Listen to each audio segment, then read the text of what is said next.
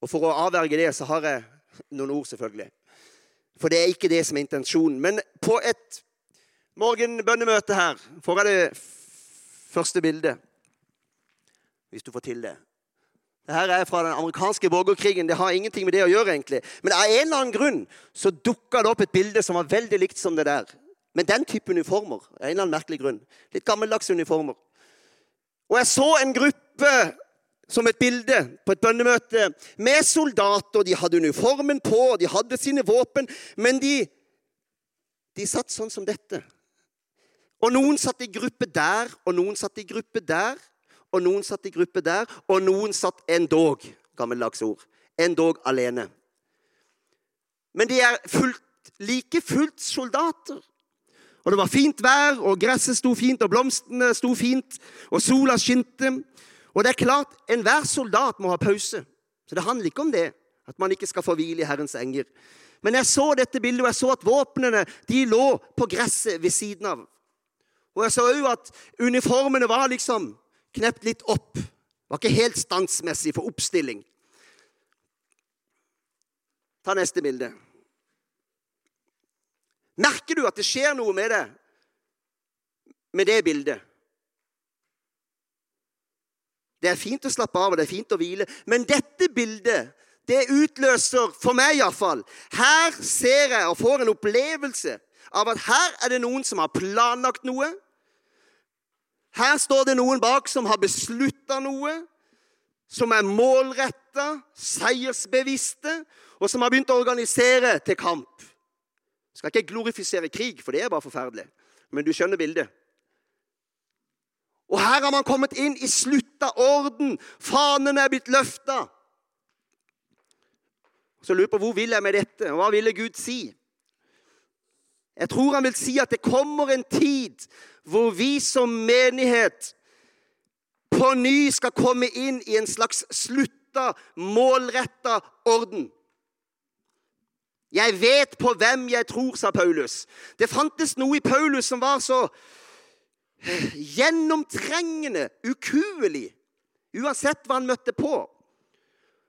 Og styrken av en menighet som aner litt hva Herren har talt, hva som er vår menighets kall. Det er en enorm styrke i mobilisering, en unison mobilisering om at dette er det vi kjenner at Herren har talt til oss. Dette går vi for. Passer det bra med amen. Men du vet ikke hva det er. Det er en annen sak. Men det kommer.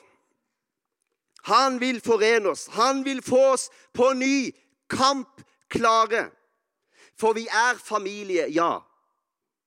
Og Vi har snakka mye om å være familie, og vi er hans venner. Og vi er hans barn, og vi er hans elskede, men vi er også soldater. Du visste det? Vi er en armé med et oppdrag. Og Av og til er det sånn at i perioder så må vi ha mye fokus på dette med Gud som far, og det skal vi fortsette med, for det er hele vårt fundament. Hvis ikke vi har dette fundamentet i orden og har identitet i Han og er trygg på Han som en elskende pappa, så vil alt annet svikte. Så det kommer alltid først. Men det fins forskjellige sesonger, forskjellige tider. Det er også en tid tror jeg, for å rette blikket unisont sammen mot felles mål. Dere ser helt for stygt ut. Henger dere med? Noen blir slitne av å høre sånn her. Blir det aldri godt nok? Hør, du skal ikke ta det enda mer sammen. Du skal bare la Han få komme til med sin ånd. Han som vil og virke, står det. Da får du retta blikket fremover på ny. Modige, djerve, handlingsdyktige, målrettede, seiersbevisste. Altså, Er det noen andre i denne verden som har mer grunn til å være seiersbevisst enn det vi har? altså, Vi er jo på et lag med en kaptein som allerede har vunnet. Det er en rar situasjon å være. Vi er på vinnerlaget. Og ingenting kan stå seg mot Herren, står det. Sterkere er Han som er i meg, enn Han som er i verden. Det vil si, det fins ingen jordisk kraft, ingen jordiske hinder, som kan stå seg mot Herren. Men han rådde til og med over naturkreftene, og det gjør han den dag i dag. Og Det er så viktig å klive inn i det her. Og det jeg fikk på et bønnemøte, kanskje det samme, det var en nesten personlig tiltale. Ta det i eie. Ta det i eie. Denne kunnskapen og åpenbaring om hvem vi er, oppdraget vi har fått, at vi tilhører seierslaget, ta det i eie. Det er noe med dette å sette foten på nytt land. Åndelig talt.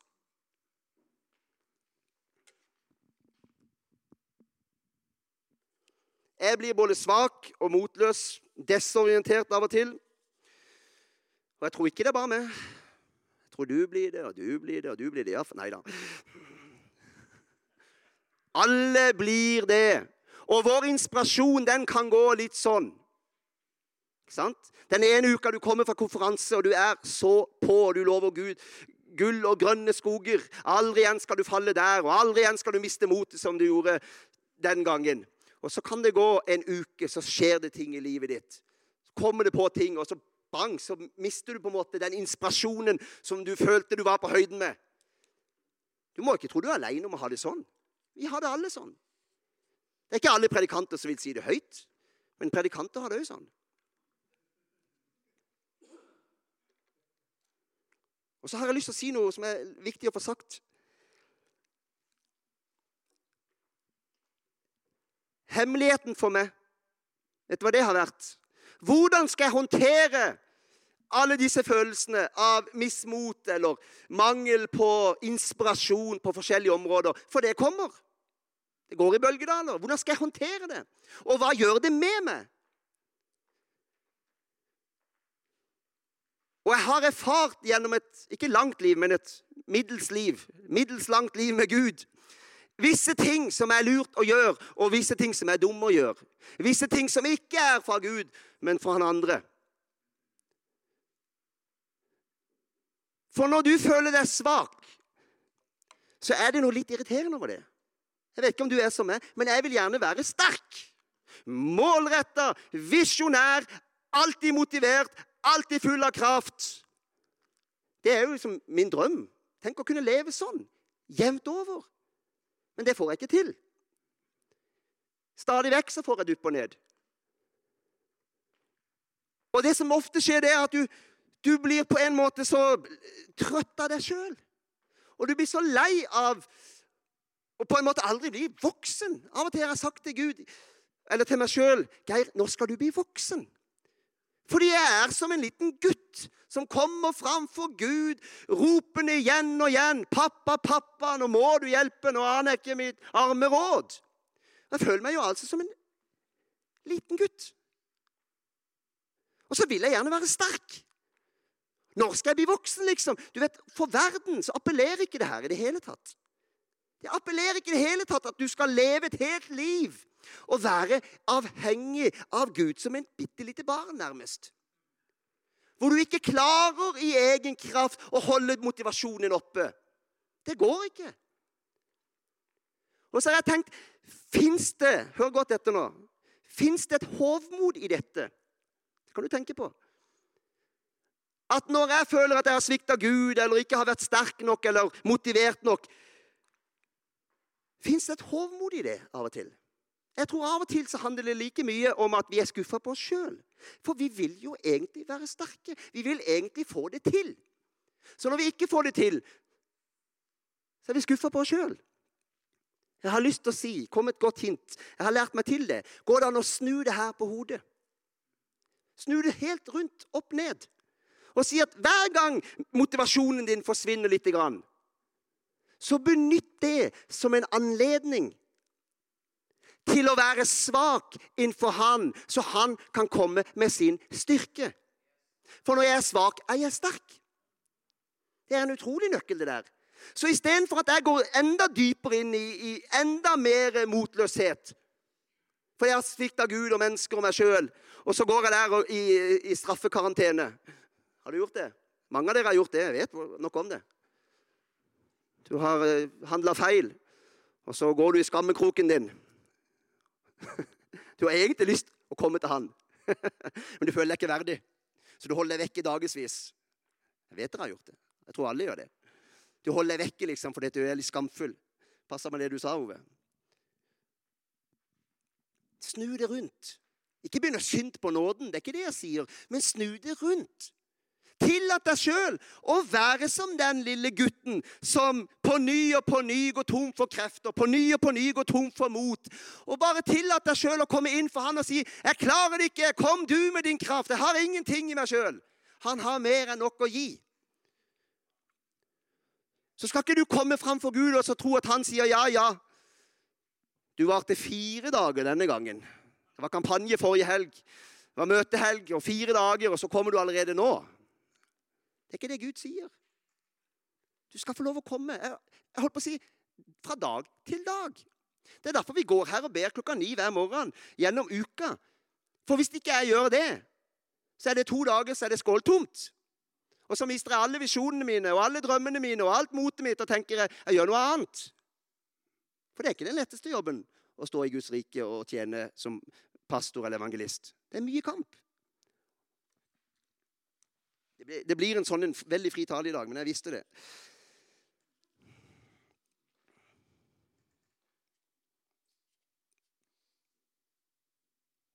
Snu det rundt. Avslør det som stolthet. Du liker ikke nederlagsfølelse. Ingen av oss liker det. Men det er en viss stolthet i det, for vi vil egentlig være sterke. Snu det rundt. Aksepter at uten Han så er vi ingenting. Det var til noen. Kunne du ta det? Amen. Uten at Herren bygger huset, bygger bygningsmennene forgjeves.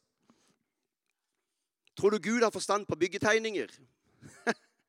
Tror du han har sånn bord der oppe med alle papirene og linjal og alt utstyret de bruker? Jeg tror nesten det. For gå og les Gamle testamentet når han bygde tempelet. Wow, for noen utførlige, detaljorienterte planer. Han er byggmesteren over alle byggmestere. Han kan alt som har med bygg å gjøre. Han kan alt som har med å bygge Guds rike. Har vi et bilde til? Nei. Har du sovna? Det er sånn jeg ser for meg hvis Gud skulle bygd hus til meg her på jorda. Da har han bygd det huset der. Jeg tror det hadde blitt litt for mye krimskrams for Miriam, eh, men det hadde passa fint til meg. Går det bra å ha det som nabohus, Ove? Nei, det er for mye. Men OK. Gud har totaloversikt for denne menigheten, for enhver menighet, for hver og en av oss som er her i dette rom. Han har en ferdig tegning. Han har sett det ut. Og dere sang om det, om framtid og håp. Men når vi står midt i det og skal bygge, så kan det ofte mye mer oppleves sånn her. Sånn kan det oppleves. Man står midt i byggeprosessen. Og det er en stender her, og det er en vegg der. Og det er ikke alltid like lett å se hvor er vi på vei. Hva holder vi egentlig på å bygge? Hvordan skal bygget bli? Hva er det Gud har kalt oss til? Henger du med? Sånn tror jeg det føles. Nei da, det skal ikke skiftes. Der kom drømmen, ja, der kom drømmen, vet du. Jeg, ble så inspirert av at du var blitt sogneprest. Så nå skal jeg bli pave i den der eh, kirka der. Når folk snakker om Frola misjonskirke Det er godt ikke strimes der i dag, for det er litt internt, det her. Det er menighetsfolk her. Hva skal de da si? Skal de si det er de som hjelper så mange nødlidende? Er det det de skal kjenne oss for? Skal de si det er de som har det fine rusarbeidet sitt.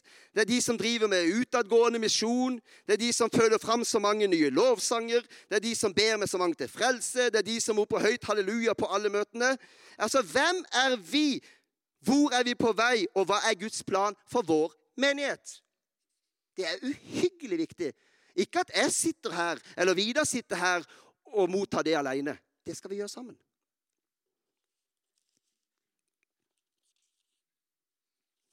Skal hoppe over litt.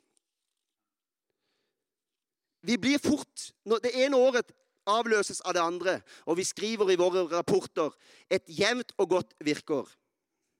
Det er sånt som jeg blir lei meg av.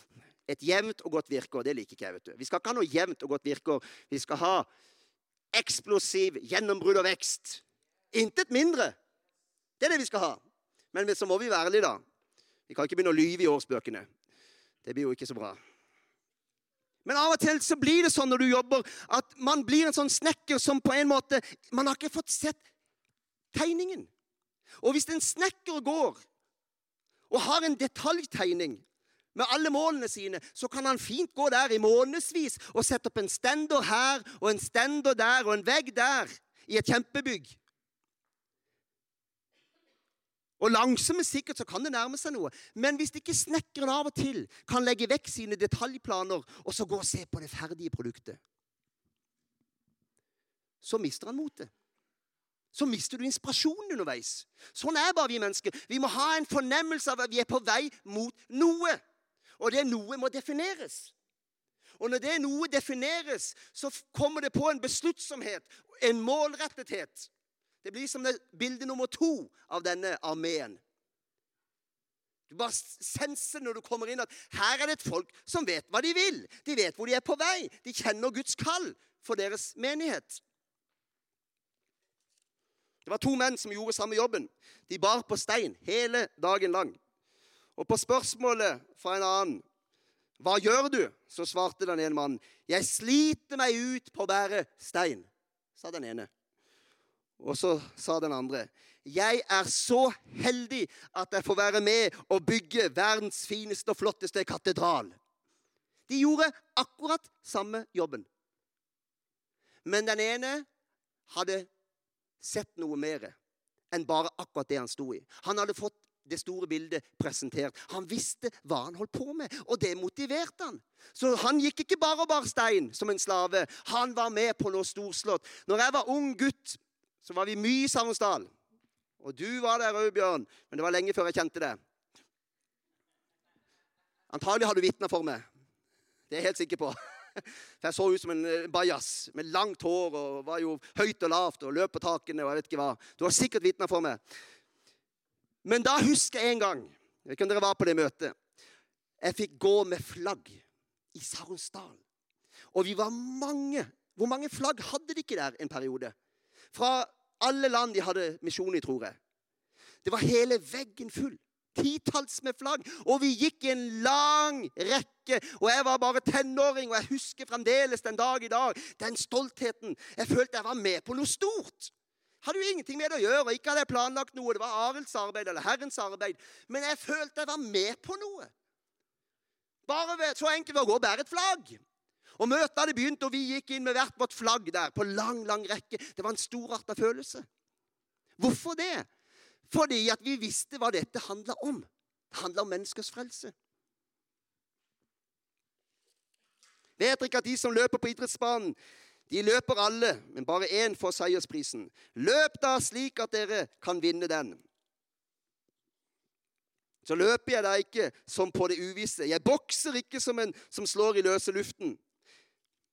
Hvor, vil jeg med alt dette? Hør, vi ønsker frihet i våre møter, gjør vi ikke det? Det er en del av den store bildet, den store tegningen vi føler vi som lederskap har fått ifra Gud. Vi ønsker frihet for Den hellige ånd. Det igjen gjør at da legger vi opp møtene våre sånn, da. Passer vi på? Vi verner om det. Vi passer på at vi får bygd en kultur hvor det blir lett for Den hellige ånd å komme til. Ergo så kan ikke vi kopiere alle andre. Hvis du er her og tenker jeg vil gjerne hatt sånn TV-program, strømlinjeformer møter, med minuttprogram og stoppeklokke, så får du ikke det her. Hvis dere ikke avsetter hele, både meg og Vidar og hele gjengen. Det kan jo være. Men dere får ikke det med oss, og dere får ikke det med det styret som er. Fordi vi kjenner unisont at det er visse ting som er viktige for oss. Frihet er en av de. Lovsang er en annen ting.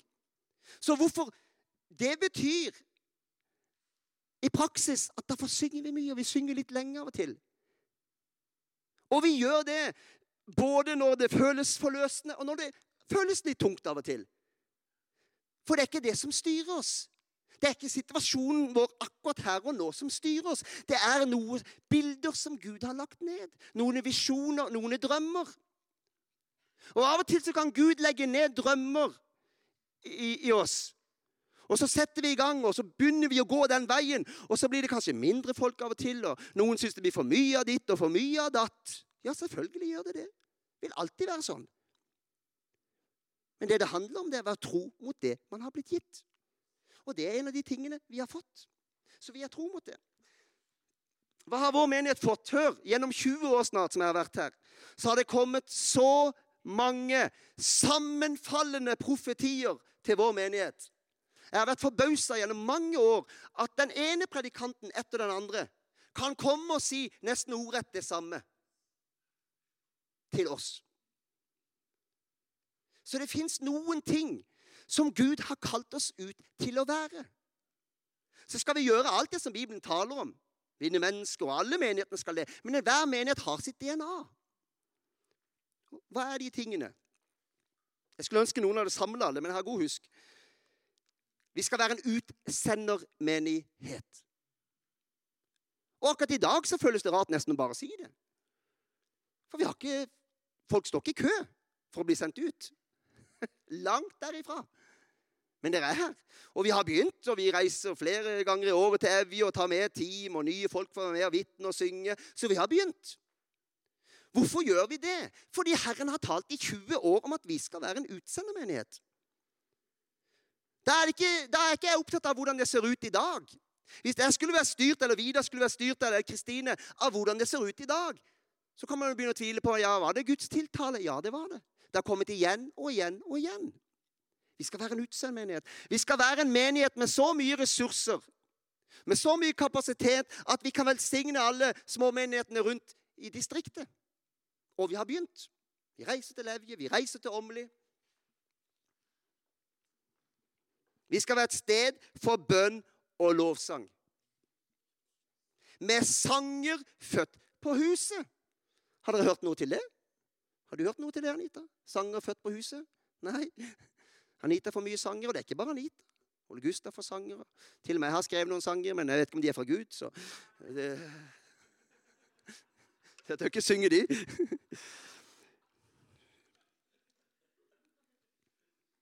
Vi skal være et veksthus og rekrutteringssted innen tilbedelse og lovsang. Også med velsignelse langt utover. Tror dere det er tilfeldig at vi mangler litt ressurser på akkurat lovsangen? Det er langt derifra. For det er av, et av kallene våre. Så det er derfor. Må ikke tro noe annet. Det er jo fordi det står kamp om akkurat det. Sånn er det jo alltid. Vi skal være en misjonalmenighet som driver misjon der ute. Tror dere det er tilfeldig at vi akkurat nå ikke har noe spesifikt misjonsarbeid i det hele tatt? For det har vi ikke. Det er ikke tilfeldig. For det står kamp om akkurat det området. Sånn er det alltid. De områder som Gud har valgt ut for oss, de tar ofte lengst tid. Det er der man lettest kan miste motet. Og det er fristende å gjøre alt mulig annet. La oss samle masse folk. La oss gjøre noe annet som gir oss en oppsving, så vi kan føle vi får til noe eller er på riktig vei. Nei. Vi skal holde oss til det Gud har talt. Og han kommer til å svare alle våre bønner. Gjør han ikke det, Ole Gustav? Amen. Livsnære fellesskap det er alfa og omega for manges personlige vekst og ivaretakelse av hverandre. Guds arbeidstegning Bønn alfa og omega. Jeg har en drøm om etter hvert å intensivere. Vi ber ganske mye, men jeg har, at vi kommer inn, at det blir sånn at bønn, det felles bønnemøtet med det løftet som jeg drømmer om Det blir sånn at når du ikke har vært på det, så kjenner du at du har gått glipp av noe. Det, blir der liksom hvor menigheten på en måte, Det er der de har sin eh, aller mest frie og interne fest. Uten å måtte ta hensyn til noe. For kommer du på et bønnemøte, så burde du være åpen for hva som helst. Eh, det er jo ikke der flest ufrelste kommer. Så der kan vi slippe oss løs. Jeg tror på det. Fordi at jeg tror at det allerede ligger i, i ryggmargen til Froland misjonskirke. Denne bønnens og nådens ånd. Den er allerede godt etablert på huset. Men den lever litt her, og den lever litt der. Men jeg drømmer om å forene det. Og jeg tror på det. Jeg har en drøm. Ikke spurt styret ennå, det må jeg kanskje gjøre. Men bønn er vi vel alltid åpne for, så det går bra. Jeg har en drøm om at vi en gang i måneden, kanskje fra august, iallfall en gang i måneden, kan ha en skikkelig fest her inne med bønn og lovsang.